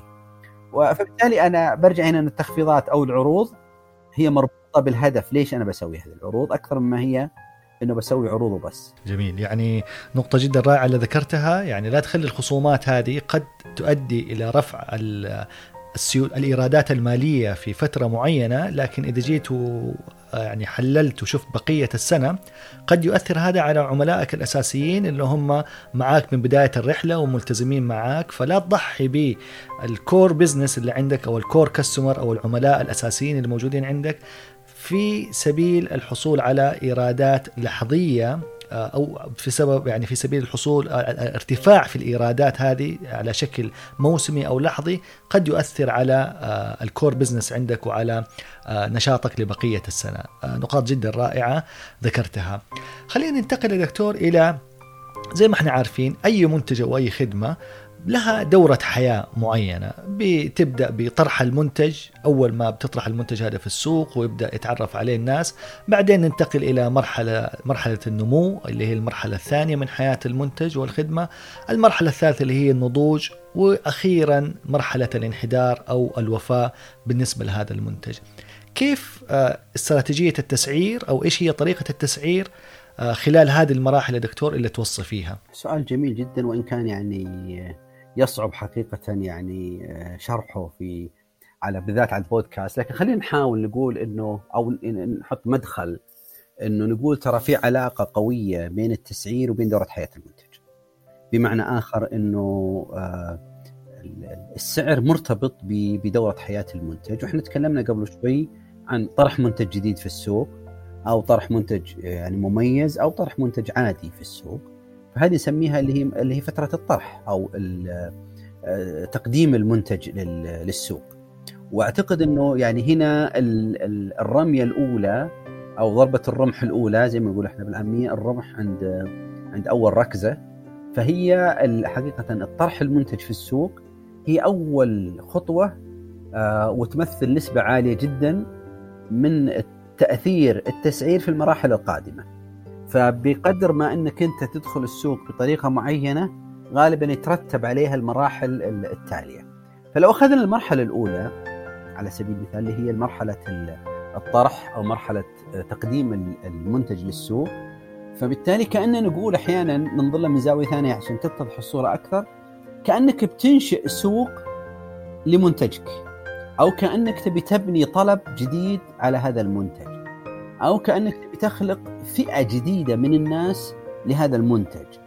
فأرجو ما ننظر للمنتج أو الخدمة انها زي زي غيره يعني حتى لو كانت موجودة في السوق. أنا قلت قبل شوي انت لما تطرح منتج أحيانا تقول والله المنطقة الفلانية مو مخدومة. طريقة البيع الفلانية ما هي مستخدمة. الفئة من الناس ما هم مخدومين. فهنا أنت أول شيء بنيت السعر مع طرحك للمنتج على حاجة السوق. هنا في دائما عندنا طريقتين رئيسيتين آه، لطرح المنتج في السوق والتسعير. آه، آه، قصدي في هذه المرحلة في مرحلة الطرح. اللي نسميها استراتيجية أو طريقة الكشط وطريقة الاختراق. فهي أما إنك تبغى تاخذ سعر عالي وبسرعة وبعدين تتفاهم مع المنافسين وتتفاهم مع الناس بنسميها يعني استراتيجية كشط وهي استراتيجية إنه زي ما يقولوا يعني سريعة جدا. وتدخل السوق بسعر مرتفع تصرف على المنتج بشكل قوي وبهامش ربح مرتفع. أو الشيء الاستراتيجية الثانية عند الطرح تقول لا أنا والله أبغى أتغلغل في السوق. سميها اختراق أو تغلغل أو ايا كان المسمى اللي بعض الناس يستخدمه. فتقول لا أنا أبغى حقيقه أكسب أكبر عدد ممكن وبالتالي هنا في عملية الطرح في الأولى أو المرحلة الأولى أنت بتطرح سعر ما نقول منخفض لكنه إن لم يكن مساوي فهو أو أقل من اللي متوقع وفي كلا الحالتين لابد من عملية البحث اللي ذكرناها قبل شوي يعني لابد تعرف الناس إيش يبغون وما هي نقاط القوة آه، في منتجك وما هي أيضا نقاط نسميها نقاط الألم أو نقاط الضعف أو نقاط اللي فعلا الناس يحتاجون أحد آه، يغطيها في المنتج اللي أنت قاعد تطرحه هنا.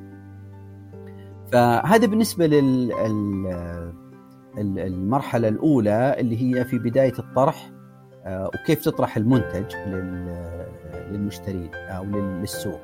في نقطة ثانية في هذه المرحلة أيضا مهمة آه، اللي هي قضية نسميها أحيانا أنت المنتج في الغالب إنه يعني في في عامل بشري يبيع المنتج هذا سواء كان خدمة عملاء سواء كان بياعين في المعرض آه، سواء كانوا موزعين إلى آخره فأحيانا أيضا لابد تنظر من في عملية التسعير في هذه المرحلة إلى كيف إنك تحفز ال ال الناس اللي حولك هذولا لعملية البيع سواء كان مندوب مبيعات سواء كان بائع في المحل أو كان موزع. آه، كيف تحفزهم في هذه المرحلة عشان يقدرون يبيعون أكبر عدد ممكن سواء كان السعر مرتفع يعني سواء كان رحت باستراتيجيه كشف أو باستراتيجيه اختراق. في كل حالتين أنت تبغى يعني أكبر عدد ممكن. فلا بد تحط في الاعتبار إنه التحفيز هذا نرجع مرة ثانية التحفيز تكلفة التكلفة داخلة في السعر. وبالتالي أنت قاعد تبني استراتيجية في هذه المرحلة اللي أنت لسه تقدم المنتج يمكن ما تجي على بالك التحفيز فتلاقي إنه ما أنت قادر تمشي لأنك لو حفزت حيروح هامش الربح. فلا بد حقيقة من من اخذه في الاعتبار آه، آه، في في هذه المرحلة. نجي للمرحلة الثانية اللي هي قضية النمو. يعني عادة انه المنتج لما يطرح في السوق خلينا نقول بايا كانت الاستراتيجية آه، حتجد إنه بدا المنتج يكسب مكانته في السوق بدا المنتج ياخذ وضعه في السوق زي نقول.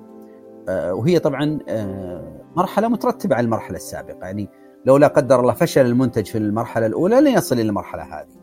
يعني وبالتالي هي مرحلة كلها مبنية على المرحلة السابقة. آه وبالتالي هنا أنت تبدأ الآن في عملية التوازن بين حجم المبيعات وبين هوامش الربح اللي انت قاعد تحققها.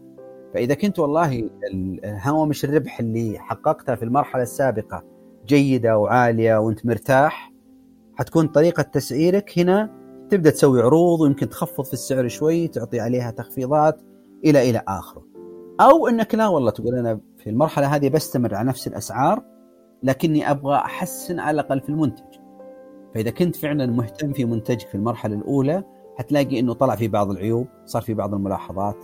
ما تبغى تنزل في السعر ما تبغى تتحرك في السعر أي شيء ما تبغى تسوي عروض فتلاقيك حسنت في المنتج.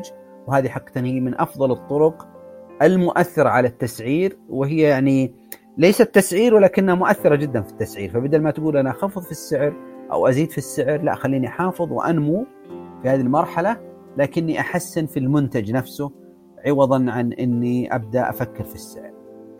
المرحلة الثالثة عادة بعد النمو اللي نسميها النضج. آه، النضج هنا حقيقة الهدف الرئيسي منها إنه أنت تبغى تصير يعني لو استطعت زي ما نقول أنت العلامة المعروفة في السوق.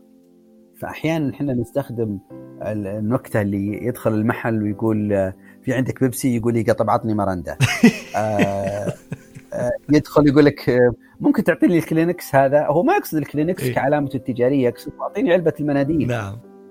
فالمقصد هنا إنه أنت في هذه المرحلة تبغى توصل إلى أن تكون العلامة المعروفة بالسوق. نعم. وبالتالي اسمك خلاص من يوم يقولون اسم منتجك يعني مثلا عندك كودو في في يوم من الأيام أصبح سندوتشة كودو. وما يقصد كودو اللي هو المطعم. و يعني الأمثلة لا محدودة في السوق. اللي يكون المنتج في مرحلة النضج يعني بلغ النضج أيضا. وبالتالي هذه يعني مرحلة يعني مهمة جدا وعلاقتها بالتسعير إنه أنت إذا وصلت إلى هذه المرحلة في هذه المرحلة أقصد إذا وصلت إلى أنك تكون العلامة المعروفة بالسوق في هذه المرحلة فأنت لا تقلق ابدا عن السعر. فمعروف إنه العلامات اللي أنا ذكرت قبل شوي لو أخذنا مثال من مناديل كلينكس غالبا هي ليست الأقل بل إنها أعلى من المتوسط ومع ذلك عندها مبيعات عالية وعندها قبول في السوق. بالتالي في هذه المرحلة إذا وصلت إلى هذا المستوى من المستوى من النضج وفعلا حسبت حساباتك جيد في مرحلة التقديم والنمو أعتقد أن التسعير عندك هنا حيصبح ثانوي وحتحافظ على أسعارك وبتبيع أعلى من المنافسين وتبدأ هنا تبني ما نسميه بعملية الولاء. يصير الشخص أصلا ما يفكر إلا في هذا المنتج أو يعني مستحيل يقارنه مع المنافسين في السعر. هو دائما يقارن الجودة. يا أخي المنتج هذا ممتاز. وهو ناسي السعر كم يدفع. فيقول لك إنه أنا ما عندي مشكلة أشتري السعر هذا. آه، أشتري عفوا المنتج هذا بهذا السعر. فهذا في المرحلة هذه آه، مهم جدا إنه يعني يصير عندنا يعني نسميها خطوط متوازية أو parallel decisions يعني إنه إذا وصلنا لهذه المرحلة فبالتالي ما عندنا مشكلة في التسعير اطلاقا ونستمر على التسعير العالي أو اللي حطيناه مرتفع وما نتنازل عنه. إذا ما نجحنا في هذه المرحلة آه، حنروح المرحله اللي بعدها لا قدر الله اللي هي قضية الانحدار أو نسميها أحيانا الرفض أو نسميها التدهور أو ايا كان المسمى فمعناته كذا إنه دخل منافس وصار بديل لعلامتنا وصار هو العلامة فلما يصير هو العلامة معناته إنه إحنا والله قاعدين في موقف حرج جدا. فهنا حقيقة يعني عدة أمور. إما إنك يعني تفكر تطلع من السوق وتغير المنتج هذا أو تقضي على المنتج هذا لأنه ما عاد صار آه، بالنسبة لك مهم. وهنا له استراتيجية تسعير هنا تدخل تخفيضات وبيع بالجمله وإلى آخره. وبالتالي هنا تبدأ يعني استراتيجية تسعير مرة مختلفة. يعني إذا وصلت المرحله هذه ما نقول الله, يعينك أول شيء. لكنه يصبح التسعير هنا مختلف باختلاف. يعني هل تتوقع أنك ترجع؟ وهذه نادرا ما تصير. إذا ما تتوقع أنك ترجع للمراحل السابقة وبالتالي أنت هنا يعني آه، مقرونة هي بسرعتك في الخروج. يعني تبي تخرج اليوم ولا بكرة ولا بعد سنة. فبناء عليها تبدأ تحط عملية التسعير. آه وننتبه هنا إنه أحيانا التسعير يكون تدريجي بالانخفاض. ممكن يكون إذا عندك أكثر من منتج ممكن بعض المنتجات إلى آخر لحظة وأنت مستمر على نفس السعر وفي بعضها لا تعرضه بسعر آه يعني هذا يعتمد على حساسية آه التسعير لهذا المنتج مع الفئة اللي أنت مستهدفها فإذا كان السعر حساس نزل بالسعر شوي حتلاقي إنه خلصت المنتج هذا و... وقدمت منتج جديد وبديت دورة حياة جديدة لمنتج جديد فكأنك دخلت السوق من جديد وعدت الدورة مرة أخرى. واستفدت طبعا من التجربة أو يفترض أنه أنت استفدت من التجربة إذا وصلت لهذه المرحلة وطرحت منتج جديد أو دخلت بثوب جديد آه، للسوق. جميل جميل. الله يعطيك العافية دكتور توضيح جدا رائع للربط ما بين دورة حياة المنتج ومراحلها الأربعة وما بين استراتيجيتنا آه، التسويقية وإيش ممكن نسوي في كل مرحلة وأنا عندي يعني إضافة بسيطة جدا لكن من جانب عملياتي ومن ناحية اوبريشنال آه، يعني تختلف أهدافنا أهداف الأداء العملياتية في كل مرحلة عن الثانية. فعادة إحنا بيكون عندنا خمسة أهداف. أداء عندنا المرونة الجودة السرعة الاعتمادية والتكلفة. هذه خمسة أهداف أداء عملياتية. تركيزنا على أي هذه الأهداف العملياتية راح يكون في أي مرحلة يعتمد على المرحلة اللي إحنا بنعيشها كمنتج أو كخدمة. فعادة ما بننصح في إدارة العمليات أنه في مرحلة الطرح أو مرحلة ال introduction المفروض يكون تركيزنا على ال flexibility أو المرونة آه، بالإضافة إلى التركيز على الجودة بحيث إنه أقدر أعطي الدفعة الأولى القوية في هذه المرحلة الأولى اللي تساعدني في المرحلة الثانية اللي هي مرحلة النمو.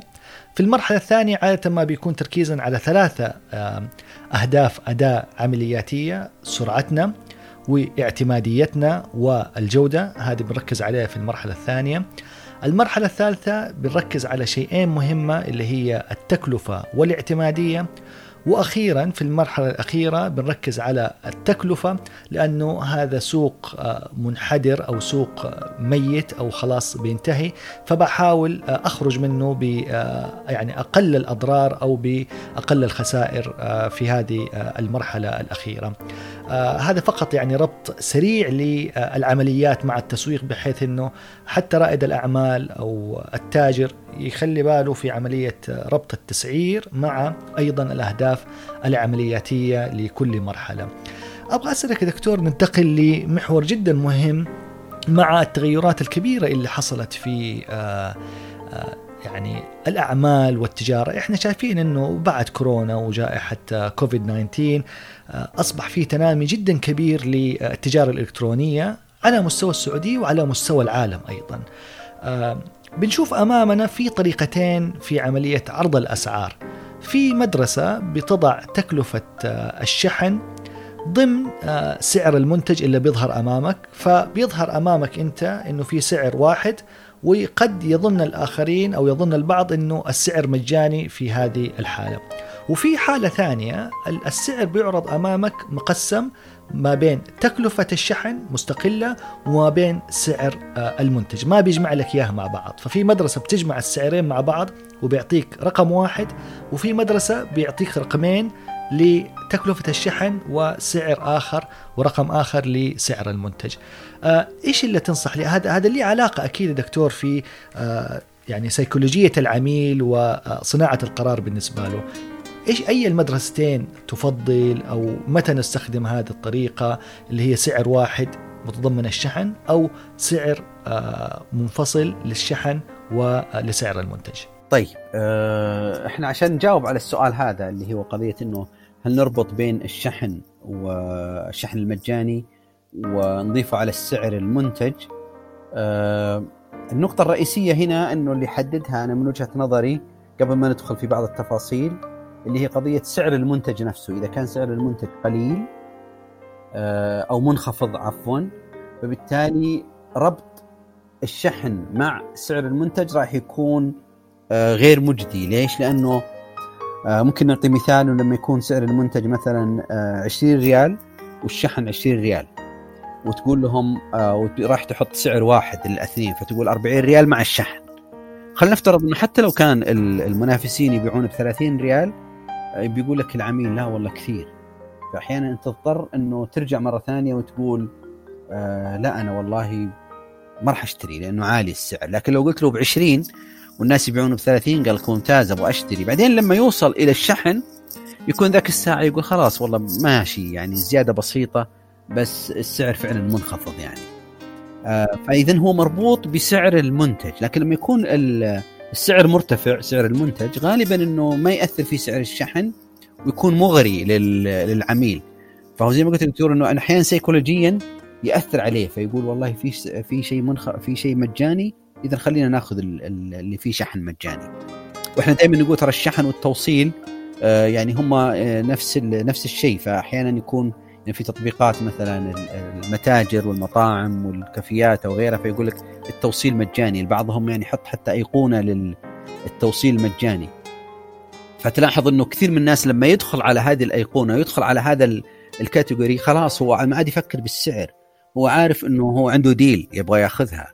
وهو داخل أصلا على توصيل مجانا أو على شحن مجانا فيكون هنا أصلا يعني سي اللي صار عنده يعني نوع من الفصل في السعر صار في غشاوة بينه وبين السعر ما عاد يشوفه بشكل بشكل واضح.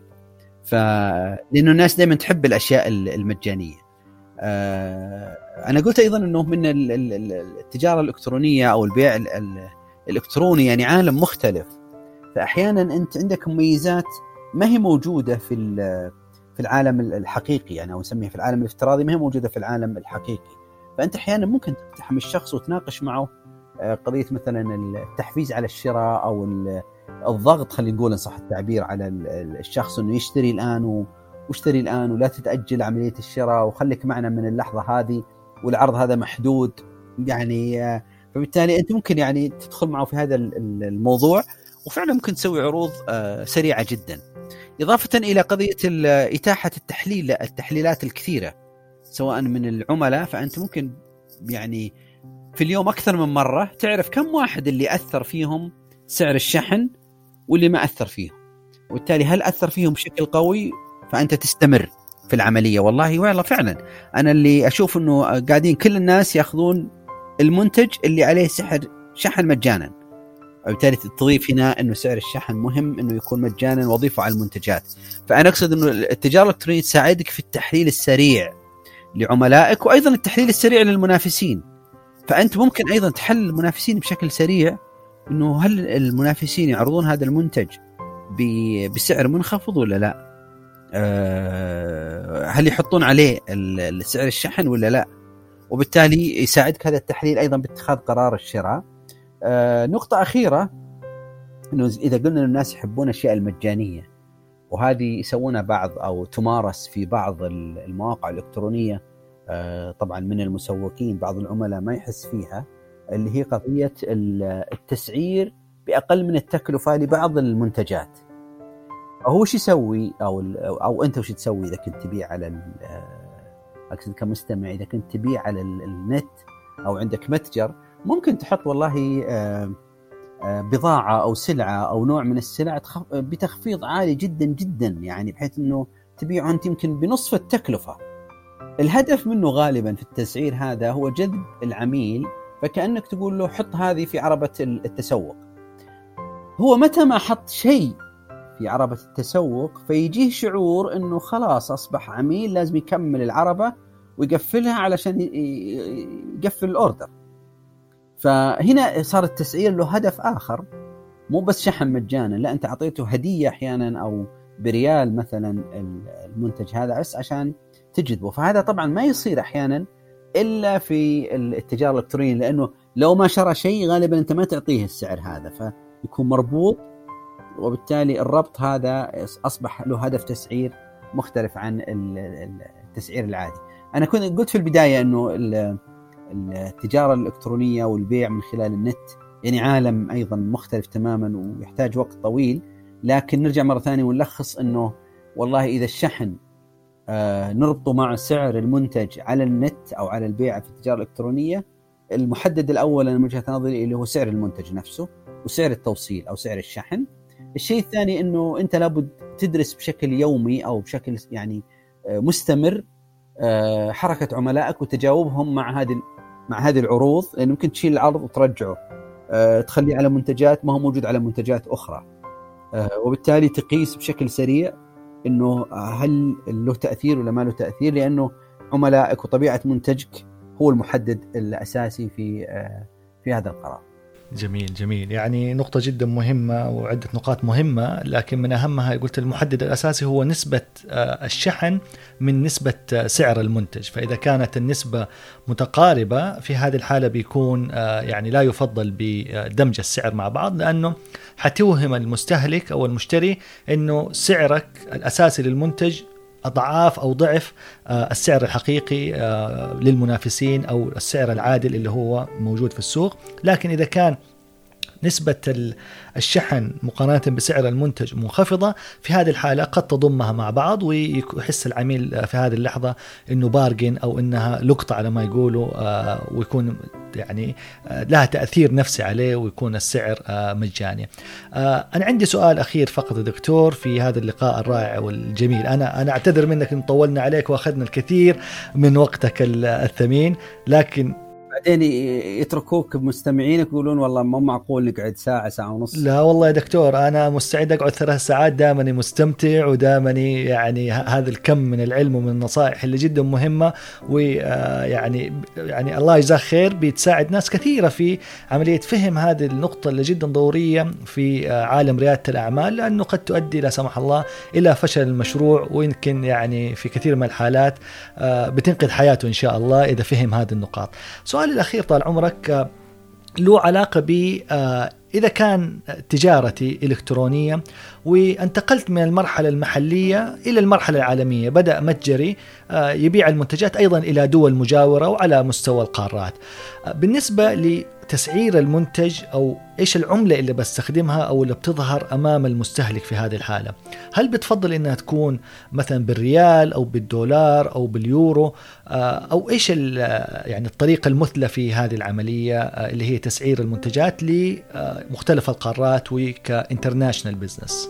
والله يا دكتور هي العملية يعني سهلة وصعبة. يعني في بعض المواقع آه، وأكيد شفتها يعني فيها المرونة العالية جدا يعني أنت بإمكانك تعرض السعر بالريال زي ما يقولوا وتعرض السعر بالدولار وتعرض السعر بأي عملة أخرى تبغاها وأنت في الرياض أو أنت في جدة أو في أي مكان في المملكة. يعني بامكانك تشوف السعر بعملات مختلفة إذا إذا إذا هذا يعني جزء من سؤالك.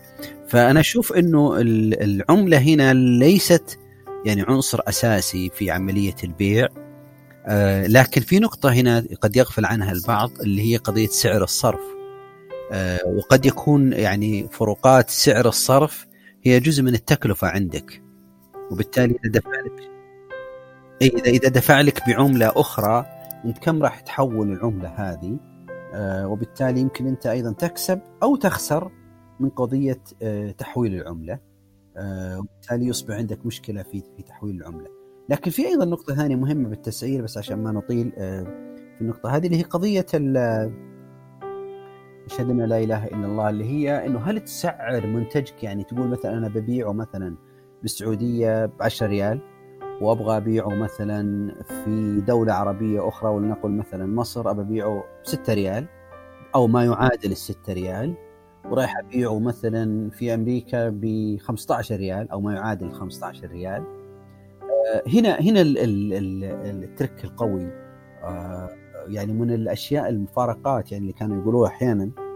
أكيد تعرفها دكتور إنه يقول لك إذا بتعرف سعر السوق روح اشتري بيج ماك من ماكدونالد في أي دولة وبعدين تقدر تقارن السعر. فإذا كانت البيج ماك هنا خلينا نقول ب 20 أو 18 السعوديه ورحت لدولة ثانية لقيتها ب 18 دولار. معناته إن الدولار هناك يساوي ريال عندنا. يعني أو بما يقارب يعني سواء من قبل المعيشة أو خلافه. فانا اعتقد إنه التسعير هنا لما تنتقل إلى مرحلة البيع الدولي أو الدولي أنا أعتقد إنه ليس هذا موضوع حديثنا. ويعني يعني دخلت أنت هنا في كاتيجوري مختلف إنه في ناس لازم تسوي فعلا فاهمه ودراسات ويعني والشخص ما يصل إلى مستوى إنه يبيع على مستوى العالم آه، إلا يعني وأصبح عنده من الخبراء والمستشارين اللي فعلا يقدرون يفيدونه. في الجانب هذا ويتعمقوا معه أكثر. آه، لكن إذا هو والله مجرد انه يعرض المنتج خلينا نقول مثلا يعرض مثلا منتج محلي خلينا نقول يعرض مثلا تمور أو يعرض مثلا آه، سلعة محلية أنا رأيي إنه يعرضها للعالم كله بسعر البيع هنا ويبيعها بالريال ولا يدخل في آه، متاهات تسعير ولا في متاهات عملات وخلافه. ويعرضها بالسوق بالمنت... يعني بالسعر المحلي وكأنه يبيعها على زباين موجودين في الرياض هنا. جميل، نصائحك النهائية والأخيرة في هذه الحلقة الرائعة دكتور إذا تحب كذا تلخص لنا إياها بشكل سريع. والله ما في نصيحة نصائح يعني ختاميه لأنه كل اللي قلناه ما شاء الله يعني أعتقد إنه مفيد لكن إذا كان في من نصيحة يعني نهائية فأنا أقول إنه آه لابد تأخذ في الاعتبار إنه من حقك إنك تحدد أي سعر تبغاه للمنتج أو الخدمة اللي تقدمها ولكن انتبه انه انت ترى ما انت بتبيع لنفسك انت تبيع لعملاء هم اللي حقيقة بيقررون انه السعر اللي انت حددته آه مناسب أو غير مناسب. فلا يعني تاخذ كل هذا وتقول لا أنا منتجي ممتاز وأحسن من الآخرين وبحط له سعر من حقك. بس ما من حقك تفرض على الناس إنهم يشترون. وبالتالي لا تتوقع إنه الناس بيشترون. هذا جانب، الجانب الثاني اللي هو زي ما نقول المحور الثالث من المعادلة اللي هو المنافسين. لا تتوقع أيضا المنافسين ساكتين ولا بيقدرون يتفرجون ولا بيشوفون الناس يشترون منك وتاركينهم لك. فأنا أقول إنه كملخص لموضوع التسعير عندك يعني آه، آه، مثلث أو ثلاث محاور رئيسية. في أنت وفي عملائك وفي المنافسين. فأنت الثلاث عناصر هذه لابد دائما تحطها في الاعتبار وأنت تسعر أو تحط أسعار. ولما أقول أنت أنت بتحط السعر اللي خارجك تحط السعر اللي يحقق لك هامش ربح اللي يخليك تبقى. ولكن انظر إلى الطرفين الآخرين المهمين اللي هو المشتري أو المستهلك أو العميل وانظر أيضا للمنافس اللي أيضا يبغى ياخذ هذا العميل منك. فأنا أقول إنه النصيحة إنه حاول إنك دائما في التسعير آه، ما تغيب عنك هذه الأشياء ولما تنهج منهجية أو استراتيجية من اللي ذكرناها وتكلمنا فيها استمر فيها. يعني لا لا تغير كثير في عملية التسعير لأنه كل وحدة في استراتيجية مبنية على على معطيات. والمعطيات هذه لو انتقلت لواحده ثانية ممكن تتغير عليك فتختل عندك المعادلة فيختل عندك هامش الربح لأن في بعضها ما يؤخذ ما تأخذ في الاعتبار أشياء أخرى. فأنا أقول إذا انهجت منهج معين في التسعير استمر عليه. حطيت سعر لا تتنازل عنه بسهولة. يعني حاول تدعم وتدعم المنتج تجود المنتج إلى آخره. يعني لا تتنازل آه، بسرعة. آه، إذا كان منتج جديد قلناها قبل شوي أيضا إنه لا تحاول إنه تخاف من تسعير منتجك إذا كان مميز. سعره وادعم نفسك وادعم المنتج حتلاقي خير إن شاء الله. وتذكر دائما إنه التسعير هو مصدر ايراداتك والباقي تكاليف وبالتالي أنت أي حركة فيه أي تلاعب فيه أي تهاون أي عدم يعني عد أخذه بعدم الجدية آه، يحدد مصيرك. فبالتالي يعني العملية حساسة جدا مثل ما هي حساسة للمستهلكين هي حساسة بالنسبة لك. فلازم تتعامل معه بحساسية آه، كبيرة جدا. والتلاعب فيه التلاعب أقصد بمعنى إنه نزيد السعر لا نخفض السعر لا نسوي عرض لا ما نسوي عرض لا تكون عملية مزاجية. فننتبه للنقطة هذه. وأتمنى إن شاء الله إنه في الختام إنه قدمنا شيء آه، يستفيدوا منه المستمعين. وعلى الأقل ما يقولوا صدعتوا فينا وأخذتوا منا كل هذا الوقت وكل شوي فائدة فأتمنى إنه قدمنا لهم شيء مفيد ويعني في الأخير نشكرك دكتور إنك يعني أعطيتنا الفرصة هذه وخليتنا يعني نشارك آه، في البودكاست عندك بما ينفع إن شاء الله. الله يعطيك العافية دكتور. الحقيقة هذه ما هي حلقة بودكاست. أنا أشوف هذه حلقة مرجعية يعود لها أي شخص رائد أعمال أو حتى تاجر حالي يعود لها ويفهم أيضا إيش ديناميكية واستراتيجيات التسعير. أكرمتني بتواجدك معنا وبعلمك وبخبرتك وبدماثة آه، يعني دمك وخلقك. الله يعطيك العافية. شرفتنا والحقيقة آه، نتمنى إن شاء الله أنه يكون بيننا لقاءات قادمة برضو يستفيد من علمك وخبرتك. خبرتك الجميع. شكرا جزيل الشكر لك دكتور. وأنا ترى عندي يعني مبدأ يمكن ما عنه كثير لكن آه، آه، يعني ما كذا أعلنته على الوسائل التواصل لكن هذه نقول وسيله يعني يعني محدودة يمكن إنه اللي يسمعه إنه أنا دائما أقول لرواد الأعمال لما اقابلهم إذا كان العمل لك أنت خاص يعني شغلك الخاص فأي استشاره من عندي هي مجانية لك أنت يعني ما عاملهم مثل معاملة المؤسسات أو الشركات.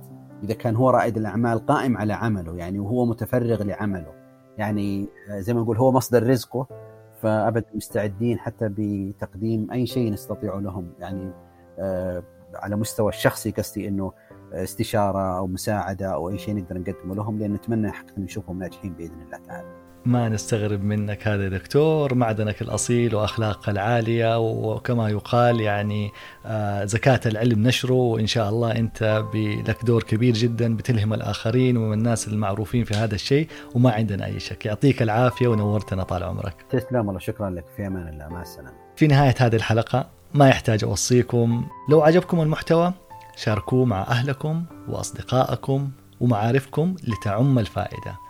واترك تعليقا في أسفل الحلقة لو لديك أي ملاحظة أو إضافات. ولا تنسى تقيم الحلقة من خمس نجوم وتشترك في القناة علشان يوصلك كل جديد بحول الله. أشكركم على حسن وطيب استماعكم وإصغائكم وأترككم في رعاية الله ونلتقي في الحلقة القادمة من بودكاست سايدوز.